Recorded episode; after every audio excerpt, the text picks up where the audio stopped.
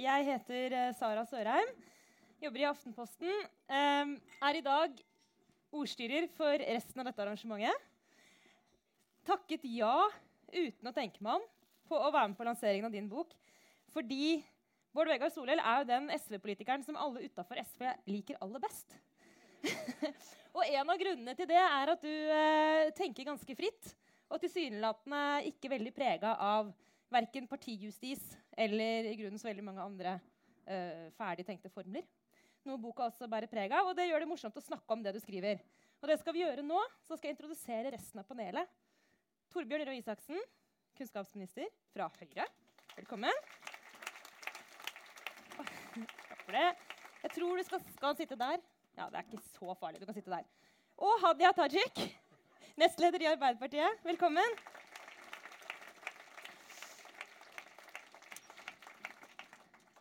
Vi skal uh, i løpet av de neste snaue to timene ja, veldig snaue to timene, uh, gå inn i litt mer konkrete deler også av, av, denne boka. Men vi skal starte med dere tre. Og jeg må si jeg er veldig glad for at det er akkurat dere tre. Fordi uh, jeg, har noen, altså jeg har faktisk ambisjoner om at dette skal bli en samtale hvor dere skal snakke litt åpent og fritt om de tingene som Bård Vegar skriver om i boka si. Fordi dette er ikke en bok med så veldig mange klare svar. Det er veldig, veldig mange spørsmål. Og så er det en del tanker om retning, tror jeg vi kan si. Men for å starte med starten, eller for å starte med konsekvensene av det helt unnskyld uttrykket for jævlig året 2016, så prøvde jeg meg på en beskrivelse av deg Bård Vegard, på telefonen vi snakka sammen i dag, om at det skjedde noe, på en måte, det skjedde noe inni deg. Men det er, noe, det er ikke en emosjonell reaksjon du har gått gjennom, men det er en slags sånn det politiske dyret i deg har eh, på en eller annen måte sansa fare. Mm. Fordi du klarer ikke lenger å tyde helt tegnene rundt deg. Eller du, du, det skjer ting rundt deg, men de gamle formlene fungerer ikke lenger helt 100% til å forklare hva som skjer. Er det en riktig beskrivelse? Ja, det, det er ganske godt uh, eh, skildra. Særlig, særlig kombinasjonen av den veldig uh, ulikheten vi ser, eh, som en sånn permanent økonomiske krise rundt oss. Eh, tøffe konflikter eh, rundt migrasjon, innvandring. Og en veldig sånn verdipolarisering i Europa som vi ikke har sett på lenge. Og, og nok, mange vil nok kunne si at det her er ikke egentlig nytt i 2016, men det var jo da det slo ut for fullt. Og, og kanskje har jeg, ja, ble jeg i løpet av det ett og et halvt året fra nå eller tilbake i tid påvirka av det og merka at det, det var som om ja, det var, det var et behov kjente jeg også, for å tenke gjennom og forstå bedre. Ja. Du, du, du, dette kommer vi tilbake til, for dette er jo på en måte, det er en rød tråd gjennom hele boka di. Men, men si litt mer om hvordan du um, ja, hvor, Hvorfor du tror at vi står eh, i en brytningstid. Du skriver også 'muligens ved et paradigmeskifte'. Et ord som eh, vi bruker altfor sjelden, men, uh, men, som er litt deilig å si. Men det er ikke så deilig å tenke på. For, for hva, hva, kommer etter? Det, det, kommer vi tilbake til først. Hvorfor, dette, hvorfor tror du at vi kanskje faktisk står på slutten av noe? Kan du si litt mer om det? Ja, altså jeg, jeg tror muligens at 2016, eller den tiden om perioden vi er inne i nå, kom til å bli sett på som en sånn slutten av, den, kaller, den slutten av perioden etter den kalde krigen. 1989 og frem, da, var Den store fortellinga da var jo at nå er, liksom, nå er et system vunnet nå, det liberale demokratiet og liksom den vestlige hovedmodellen den kom bare til å fortsette og fortsette. Og jeg tror følelsen av framskritt var sterk. Tettere samarbeid, eh økonomisk framgang, eh, bedre politiske institusjoner. Og så er det brutt litt ned. Og særlig, særlig at verdier vi trodde var liksom tatt for gitt. Altså at vi skulle få en at, at vår mektigste allierte skulle få en president som som har et helt sånn tilfeldig forhold til sannhet. Eksempel. hvem kunne tro det? Eller hvem kunne tro egentlig at noen politikere kunne operere på den måten? Eller at uh, land som uh, Tyrkia, uh, Polen, Ungarn, Russland har, jeg, har alt, jeg, har i 20 år sett på dem som på vei mot å bli liksom, liberale og moderne. Mm. Og nå er det på vei den andre veien. Mm. Det, det sånn, kan, være, kan, være, store endringer. Så tror jeg, jeg tror ikke det er sånn at endetiden er her, og at alt håp er ute. Snarere tvert imot. Men jeg, men jeg er kanskje blitt veldig opptatt av det at, eh, at vi må ikke ta for gitt da, de store, fundamentale tingene. som vi kanskje har gjort i mange år. Vi skal, eh, vi skal komme inn på hva, kan, hva, vi kan gjøre med dette. Men, men før vi kommer dit um, Dere to altså, um, Bård Vegar nevner nesten ikke navnet på noen politiske partier i boka. Jeg vet ikke om det står SV der engang. Det er knappast. Men det står ikke så mange andre partier heller til orientering, så det kan ikke tolkes altfor mye. Men, uh, men uh, du skriver mer om det med å tilhøre en generasjon og en, uh, å være politiker i en tid som har vært relativt sett enkel. Um, og nå står vi kanskje eller kanskje ikke på kanten av noe annet. Så dere har vært i politikken og bryna dere på hverandre i omtrent altså Dere har fulgt hverandre ganske tett, dere tre. Uh, for å begynne med deg, Hadia. Kjenner du deg igjen? Med har, er denne uroen gjeldende for deg også? Det er den. Jeg tror at uh, Bård Vegar setter ord på uh, en opplevelse av at verden er mer uforutsigbar enn tidligere. Og jeg, jeg, må få legge til at Du gjør det på en veldig velskrevet og presis måte, så det er gøy og interessant å lese boka. Samtidig så tror jeg, hvis jeg skal tillate meg å si noe kritisk at eh, Selv om Bård Vegar kanskje var blant de første som identifiserte denne uroen, denne utryggheten, denne uforutsigbarheten, så tror jeg nok òg at den offentlige debatten på mange måter har innhenta en del av de temaene i boka. Um, det er nå en offentlig debatt om at verden er mer uforutsigbar enn før. Og vi har jo eh, bakgrunnstall som forteller at eh, folk i dag er mer urolige for eh, altså Norges økonomi. at folk er mer urolige for arbeidsledighet i Norge. Altså ikke, ikke, nødvendigvis sin egen situasjon, men ledighetssituasjonen i landet. Og ikke minst at folk er mer urolige for sikkerhetssituasjonen i verden. Altså frykt for terror eller uforutsigbarhet knytta til det. Så jeg tror at det er ikke helt tilfeldig heller at både Arbeiderpartiet og Høyre Nå har jo du leda programarbeidet til Høyre og er leder til Arbeiderpartiet, at begge de partiprogrammene legger såpass mye vekt på trygghet, både som begrep og, og som noe som gjennomsyrer programarbeidene som en rød tråd. Og det er jo òg fordi altså, Det Bård Vegar setter ord på, det er òg noe som kommer til å prege politikken framover. Mm.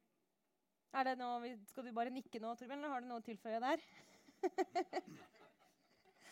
Nei, jeg, uh, ja. jeg syns også uh, den, det er definitivt en mye bedre bok enn Bård Vegars forrige. som, uh, som, jo handlet om det indre livet i den rød-grønne regjeringen. Den leste jeg da, da, jeg skulle inn i regjering. Men nei, det er en veldig god bok. og sånn Innledningsvis så syns jeg for det første så synes jeg nettopp det grepet altså Én ting er det fortellertekniske med å dra inn bestefar. Men det er også noe interessant eh, med å sammenligne vår tid med 20-tallet og 30-tallet. Ikke fordi så mange tror at det kommer til å gjenta seg, og at det vi ser nå er en slags sånn moderne brunskjorte fascisme, eller noe sånt, men fordi det også var en ekstremt turbulent innledning på mørke tiår som kom i kjølvannet av en utrolig optimistisk periode. Utrolig optimistisk periode.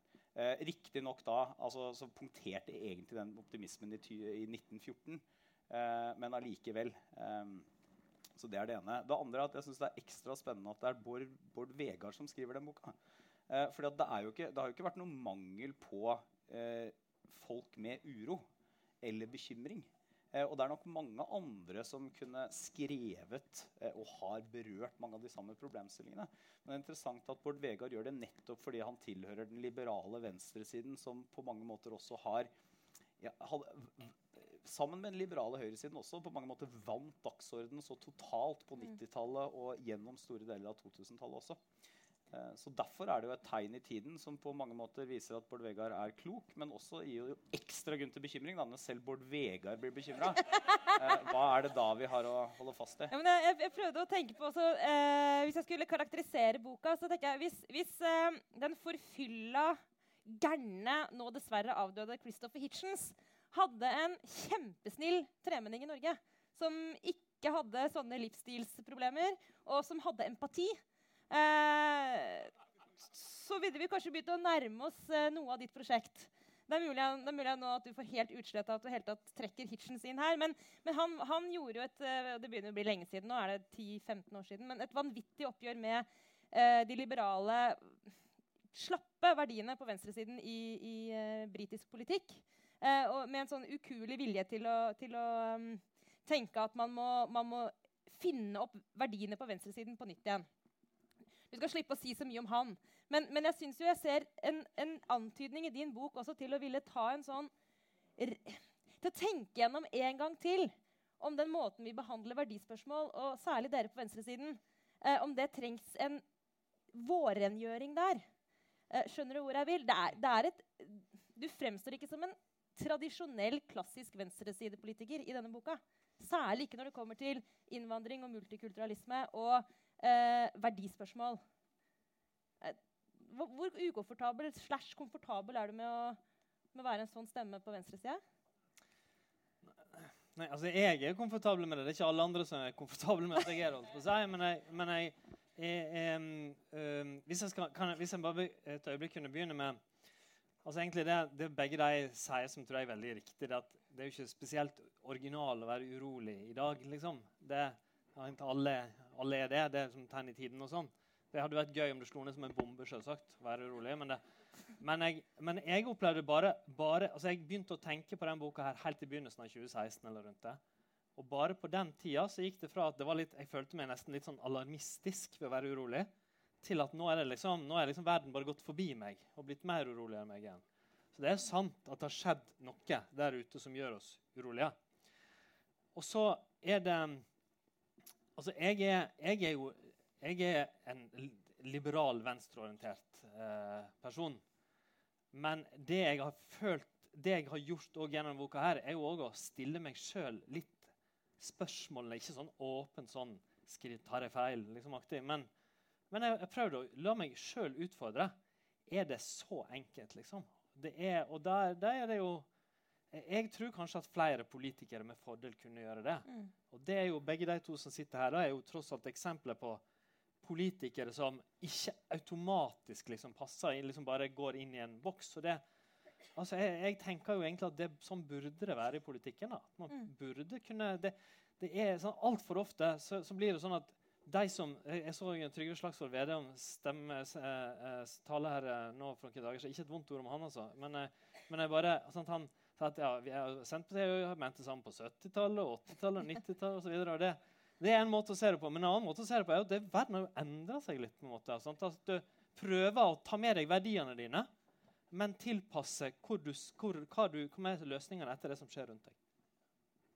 Ja, det, det, og det er jo det som er eh, den vanskelige og interessante diskusjonen. Og det, det, man ser i kjølvannet av mye av den uroen eh, som er for tiden, det er jo at mange eh, liberale eh, blir bare frustrerte fordi man har jo rett. Eller vi har jo rett, kan man si. det er litt den samme reaksjonen sånn, når, når, første reaksjonen på, på, på, brexit det er at uh, noen i EU-topper sier at ja, men da må vi ha enda tettere EU-integrasjon. Mm. Eh, og det er etter at man bare ruller på med det samme. Og det jeg synes Bård Vegar både her i denne boken og gjentatte anledninger er veldig god på, det er å også ikke stille spørsmål ved de grunn, helt basale, grunnleggende liberale verdiene, men å stille noen kritiske spørsmål også. Hva innebærer det når verden endrer seg for det jeg tror på, og måten det skal implementeres på? Mm. Vi kommer inn på noen av de konkrete saksområdene etterpå, som, eh, som Bård Vegar tar for seg. Men, men, for å holde litt fast også på det overordna først altså, ja, Du snakka om noen, felles, noen grunnleggende verdier, at det ligger i bånn. Men et spørsmål jeg skal stille til Hadia først, det er jo, som du reiser i boka, det er jo om det vi ser på som de liberale verdiene som, som dere tre, altså partiene dere representerer, står for. Som veldig sikkert alle vi her i salen står for. Som er det vi altså individets uh, frihet i, en, i et, en, en, velferdsstat som er fornuftig og, og, og som rommer enkeltmennesker, men hvor vi har et godt fellesskap. Bla, bla, bla. La oss bare oppsummere det med de liberale verdiene. Uh, de blir nå utfordra særlig av høyrepopulismen. Kanskje spesielt, men også av flere krefter uh, i samfunnet. Og spørsmålet som vi tok for gitt før, men som nå er helt reelt, er jo da vil de overleve? Jeg vil spørre deg først. Altså, det er ikke noen selvfølge at de overlever. Det forutsetter jo at vi klarer å overbevise altså folk, og det er ikke bare de som sitter her i dag, men helst de som ikke er her i dag, om at eh, eh altså, det, det, er de beste verdiene vi kan ha. Nå høres jeg utrolig moralsk overlegen ut, men, men det, er, det, er, noen sannheter som likevel er universelle og tidløse, eh, som eh, menneskeverdet og, og, det å ha grunnleggende frihet og trygghet ifra, eh, ifra altså, tortur og død og den slags. Og det å vinne fram med, med de verdiene der, det er ikke noen åpenbar sak. Vi ser at de er under press. Jeg synes at Noe av det mest interessante ved boka di er når du trekker fram eh, undersøkelsene som viser at uh, ungdommer i dag har mindre tro på demokratiet eh, nå enn det de har hatt tidligere. At det er flere unge mennesker som eh, syntes at det hadde vært en god idé med en sterk autoritær leder som kunne på en måte bare tatt kontroll om situasjonen, heller enn at vi skal drive med noe så prosaisk som å ha demokratiske valg. Og Det er jo eh, interessante tegn i tiden, og det er jo farlige tegn i tiden. og Det bare viser at vi er nødt til å finne flere måter å få formidla på at det, de grunnleggende universelle verdiene faktisk er grunnleggende og universelle. Mm. Ja. Men, men, det kan hende at det også, hvis vi sier vi liberale, da eh, nå I forskjellige sjatteringer. Jeg er konservativ, er på venstresiden og hadde jeg sosialdemokrat. Men eh, som, som, er lett å undervurdere, det er jo at det liberale samfunnet og disse liberale verdiene forutsetter også en infrastruktur. Eh, og da tenker jeg ikke på bare banale ting som sånn en fri presse etc., men det forutsetter kanskje f.eks. noe Bård Vegar også er opptatt av i boka, nemlig eh, tillit. Mm. Eh, ikke nødvendigvis akkurat den samme tilliten som vi har i Norge, men en eller annen grunnleggende tillit til institusjonene i samfunnet, for eksempel, som vi ser at i USA har vært under sterkt press i mange år. Eh, og det betyr at det er ikke sikkert at det bare er en diskusjon om, eh, om altså at verdiene våre er best, og hvordan kan vi overbevise flest mulig. Men det kan godt hende også at vi går inn i en veldig turbulent periode rett og slett fra de pålene som opprettholder i praksis jordsmonnet for de liberale verdiene blir svekket. Altså et poeng som jeg er veldig opptatt av, det er at et samfunn som det norske da, det er ikke bare en, Vi snakker ofte om den nordiske modellen. Det, det, er ikke bare en økonomisk modell. Det er òg en, ja, en, modell av en del sånn samfunnstrekk. Høy tillit, ganske felles verdier, en del sånne ting. Og eh, når samfunnet blir mer kulturelt og religiøst eh, forskjellig, hvis vi i tillegg får økt økonomisk ulikhet, Eh, altså, punkt én er jo at vi må, liksom, vi må, kjempe mot økonomisk ulikhet. Vi må kjempe for at uh, vi kan ha stor forståelse for hverandre. Men, men hvis det skjer, så blir òg verdifellesskapene det, det, er noen grunnleggende verdier kanskje enda viktigere. Og det å tørre å utfordre oss hva er de? Hva, hva må ligge på sida av det? Hva, hvordan, kan vi, hvordan, kan vi, styrke dem? Hvordan kan vi bygge dem opp? Det er jeg veldig opptatt av i denne boka. her. Og da, og da tror jeg man må sånn begynne med en forståelse, en respekt for at, at, det er mange som ser ting helt annerledes. Og jeg, hadde, jeg kom på det når du hadde, sa at du følte deg som moralsk overlegen. Jeg, jeg henta fram sånne gamle taler jeg skrev for ti år siden. og sånn. Og 17, nei, unnskyld, 17. mai. 1. mai-taler. Liten forskjell. Går over i hverandre. ja. Nei, sant? Det var jo så, altså, det var jo så, det var, det var full av honnørord sant? om ja, likestilling, og verden bare går en vei, og vi har altså alle homofiles rettigheter og likestilling, og hele verden gjør framskritt. Det var jo bare Det, var, det, jo, sant? det ble for enkelt. Og, og, og, rundt omkring i Europa så er det jo sant, en del som mener omtrent det her. Mm. Men jammen er det mange som ser helt annerledes ut. Mange er mot likestilling. Eh, mange land så er det eh, flertall som, er, som syns at homofili er bare sant, er synd og forferdelig. Og, og, da er det klart det, det, å være klar over at det, liksom, det, det er der, og, og, prøve å finne en eller annen måte å gå, møte det på, forholde seg, ikke liksom bare tro at det er over, det, det ble, jeg har blitt mye mer opptatt av sjøl siste året. Men der, mange har hatt den reisen fra ungdomstid til voksen. Det med Faktisk alle. Faktisk alle. som er voksne. Men bortsett fra de av dere som ble med i SV isteden, og ja. som trodde på det litt lenger. Nei da. Men um, Nei da. Uh, men, uh, men, den følelsen av å tenke at det var så naivt, uh, det er nå én ting. Men det som kommer etter, er litt mer sånn tricky. For nå er vi over i liksom, ja, hva gjør vi med det? Vi kan egentlig konstatere ja, det er, det er noen faresignaler rundt oss. men hvis vi da faktisk innser at vi må begynne å kjempe for de verdiene som vi ganske lenge har tatt for gitt, ja, hvordan gjør vi det? Dere har vært litt inne på det, men mer konkret. Du, du sier bare multikulturalismen, f.eks. Den, den, den er død. Den, den, har du ingen tro på i boka. Ja, men, og den må utfordres fra venstre. Det vil si, altså, du, du, er, du er mye skarpere mot f.eks. Eh, ta det som et eksempel, da, vi kommer tilbake til det seinere. Men du har på en måte ikke tro på laissez-faire-tanken. det virker på meg som du har forlatt den ideen om at hvis du bare setter mange nok som er forskjellige nok sammen, så kommer det til å bli et velfungerende, fargerikt fellesskap av seg selv. Mm. Jeg uh, må presisere hva de ordene betyr. Jeg tror veldig på det flerkulturelle samfunnet. altså Det er en realitet. Men den ideologien som ofte kalles multikulturalisme, altså at, uh, at forskjeller i seg sjøl er bra, og at man gjerne kan leve i et samfunn med helt ulike kulturer ved siden av hverandre, den tror jeg fungerer dårlig. I hvert fall i et samfunn som det norske. Uh, og så er jeg like kritisk til det som kalles monokulturalisme. altså at, vi, at alle må ha samme kultur, eh, liksom ha samme blod nærmest for å kunne leve sammen i et samfunn. Og eh, det, der, det er det jeg eh, blir blitt så opptatt av. Vi må, finne, altså det, det, vi må ha ganske sterke ting som binder oss sammen. Og hvis det ikke er at vi er, ser helt like ut og tror på helt det samme, da må det bygges gjennom et sett av verdier, arenaer vi møtes på. Eh, eh, og det er derfor det er altså deltakelse, mm. å bygge fellesskap og verdier. Eh, og, og antageligvis òg mye tydeligere definere hva det er. Det, det tror jeg, jeg tror det blir uvurderlig viktig. Du snakker, til og med, du snakker om en verdikanon. Det ja. lyder bra for deg, gjør det ikke det? Jo. Ja, eh, det gjør jeg. Jeg, eh, jeg har foreslått eh, jeg foreslår i denne boka her at vi skal eh, gjøre, etter modell for Danmark, en, eh, en, stor nasjonal verdidebatt. Husker dere Verdikommisjonen? Hvordan kan vi glemme Verdikommisjonen? Ja. Altså, jeg, var, jeg, tror jeg, jeg, jeg, lå veldig høyt på lista av de som brukte den sterkeste skjellsordene om Verdikommisjonen. Uh, og det Kanskje var det riktig den gangen, men jeg tror, ikke, tror egentlig bare det, at, at vi syntes verdier var så latterlig. da. Fordi vi tok de helt for gitt? da? Ja, og fordi det var økonomi og, og alt sånt som betydde noe. Nå tror jeg eh, sterkt på at samfunnet burde engasjere seg sterkere i en diskusjon om hva som er fellesverdiene, og, og hva som ikke er det. Hva vi godt kan være helt uenige om. Eh, så jeg foreslår at vi skal måtte, gjennomføre et storstilt prosjekt. I Danmark klarte de å få mange hundre tusen til å delta i en nettbasert avstemning og tusenvis av forslag og, og et stort debattklima for det. Eh, ikke for å slå fast liksom, for en gang for alle hva som er liksom, norsk kultur, eller sånn, men for å prøve å danne noe som er felles, som kan være en framtidig basis for våre verdier. Dette syns jeg er en spennende idé, så jeg er ikke mot den. Men jeg vet ikke helt om jeg er for den heller. Og grunnen til at jeg er litt sånn kritisk nølende inn i dette, her, det er fordi jeg tror at det vil være en utrolig kjekk øvelse for oss, altså vi som er her, Samtidig er jeg usikker på om den bare vil virke fremmedgjørende på ganske mange andre.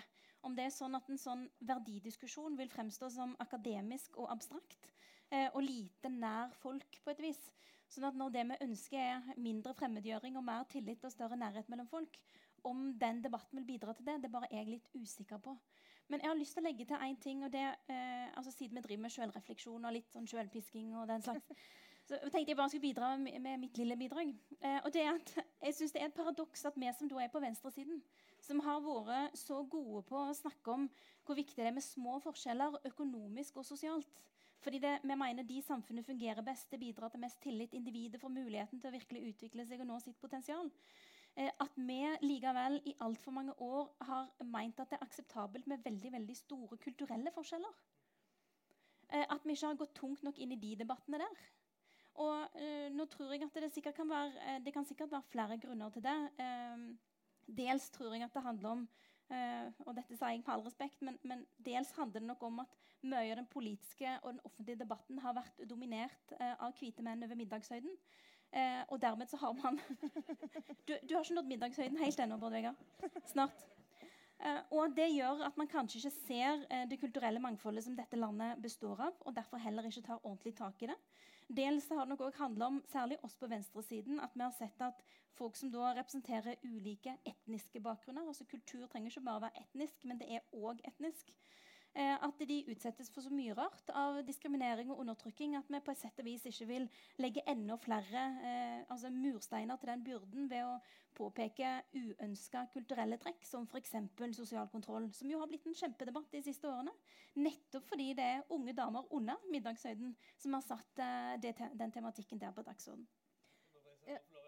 Altså, som vanlig så klarer jo du Hadia, å si på tre-fire-fem setninger det samme jeg bruker tre-fire-fem bokkapitler på. Ja var jeg ja, veldig enig. Men, men tenk, tenk, så mye mer lukrativt det er når du klarer å skrive en hel bok av det. Det blir ikke noe, blir ikke noe inntekt av å kunne være så kort og konsis som hadde jeg. Uh, men jeg, jeg, jeg tror um, altså Optimismen oppi alt dette, uh, og det gjelder kanskje særlig knyttet til spørsmål rundt innvandring, integrering, uh, det er at jeg mener vi har en utrolig mye bedre, mer mangfoldig, også på mange måter. Altså, det fæle med debatten nå er at den er også blitt giftigere. Eh, og det er særlig sånn kommentarfeltene. Det er ting som blir sagt i offentligheten som, som, som jeg mener ikke burde bli sagt. Eh, på den annen side så er det en bredere, mer mangfoldig, flere deltakere. Det er ikke lenger en sånn det er en hard debatt, men det er ikke lenger en åpenbar skyttergravskrig hvor alle finner liksom sin skyttergrav med en gang. Og det bare erkjennelsen av at dette aldri kom til å bli lett, Mm. er jo, tar oss utrolig mye lenger på vei. Og der tror jeg veldig mange i nettopp vår generasjon, og det er faktisk meg inkludert, selv om jeg, har, selv om jeg er på Selv om du er 70 år. ja, selv om jeg er 70 år i hodet. Jo, men det er, altså, jeg brukte veldig mye av 90-tallet på å altså bare henge bjella på katten, på å hate Frp. Jeg brukte veldig mye tid på å synes at alt de tok opp, var, de gjorde det på helt feil måte og grusomt og fælt. Og sånn. Eh, og det mener jeg fortsatt at mye av det de gjorde, var, eh, var det.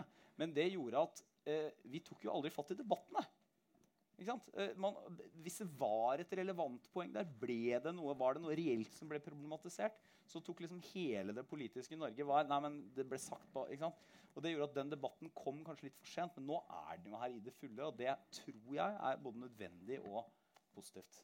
Da, da tror jeg jeg skal våge meg på en liten analyse. Jeg også, hoppe ut av litt ordstyrerrollen bare et lite minutt. fordi Du sier ikke det direkte i boka her, men på en måte så Denne boka adresserer jo liksom utenforskapet som 2016 altså Du sier det jo mellom linjene, men 2016 skjedde det jo vanvittige ting som ingen av oss, da mener jeg mediene, i hvert fall ikke, dere politikerne nesten heller ikke, kanskje heller ingen her i salen som trodde at altså, når brexit skjedde, så tenkte vi at det måtte vært en feil eller en glipp eller noe, et eller annet sånn, en feil i The Matrix.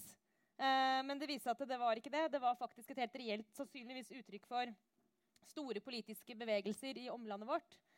Um, den følelsen av å bare ha mista kontakten med folket skal, Det høres så elitistisk ut, men den derre har den, det enorme utenforskapet som fins i, i Vesten mellom oss, eliten, og nå må jeg bare si oss, alle vi, og de der ute Hvis vi noensinne skal klare å lukke det gapet igjen, um, hvordan skal vi gå frem da? Ja, for det Hallo? Ja. Hvis du er stortingsrepresentant for SV først i 2016 føler at du har mistet litt kontakt med folket, så er du treig i oppfatninga. Altså. ja, men jeg føler Beklager, det var veldig usaklig. Det var ikke sånn diskusjon vi skulle ha. Nei. Det er sånn stortingsrepresentanter i SV er vant til å tåle. Så det. Er det mulig å lukke den, eh, er det mulig å bygge den brua? Det er vel egentlig den eh, eh, Det er det spørsmålet som står igjen litt, kanskje. da. Altså, det her gjør du et, virkelig et ærlig forsøk på å komme en del av de spørsmålene i møte. Bl.a. frykten for at det samfunnet vi kjenner, skal smuldre opp og bli borte pga. høy innvandring. Det er en reell frykt der ute. Mm. Eh, hvor ubehagelig er det å ta de spørsmålene inn over seg og faktisk prøve å, å, å ta de på alvor? Som Torbjørn var inne på. Vi har, lukket, vi har lukket øynene for de spørsmålene i flere tiår. Altså, vi, vi må bygge den brua hvis vi vil ha samfunn som, som noenlunde henger sammen. Liksom det er det det dreier seg om. Og jeg tror, altså, jeg tror jo eh, vi har latt altså, vi har latt dem skure og gå på ulikt vis. Vi har latt dem økonom i vi, sier jeg, altså i Europa, ikke i Norge spesifikt. Jeg tror bare Og kan... særlig ikke under den rød-grønne regjeringa. Altså men, men særlig ikke altså De økte økonomiske forskjellene, kulturforskjellene og verdipolariseringa i sum kanskje særlig har skapt det. Og så Hvis jeg skulle si helt til slutt med partier altså jeg, jeg tror FrP tar fundamentalt feil. Jeg, jeg kan ikke fordra løsningene deres. Jeg går ikke ut og hater noen. liksom. Men det jeg har prøvd i denne boka, her, det er egentlig, som du sa til å begynne med, ikke skrive om partier som ikke ikke, ikke, altså jeg, jeg er ikke opptatt av å, av å liksom plassere Jeg er opptatt av at vi skal finne ut av hva som er riktig, litt uavhengig av Frp. Vi skal verken si sånn fordi Frp mener det, så må jo vi mene det motsatte. fordi de er jo, liker vi ikke. Men vi skal heller ikke si nei, nei, Frp gjør jo det, og de, sånn, vi plukker opp hva som skjer i folket, så må vi vel tilpasse oss det. Liksom Glem Frp en periode, og la oss finne ut hva som er riktig. da. Men det er lett for deg å si som, ikke, som skal ut av Ja, ja. partipolitikken. hvordan, hvordan, bare høre med deg først, Hadia. Som er, begge dere to på, gutta her har jo meldt dere av, i hvert fall for en liten stund. Med mindre dere vinner valget, da, Torbjørn, da vet vi kanskje ikke. Men sånn i utgangspunktet ikke, skal ikke på Stortinget.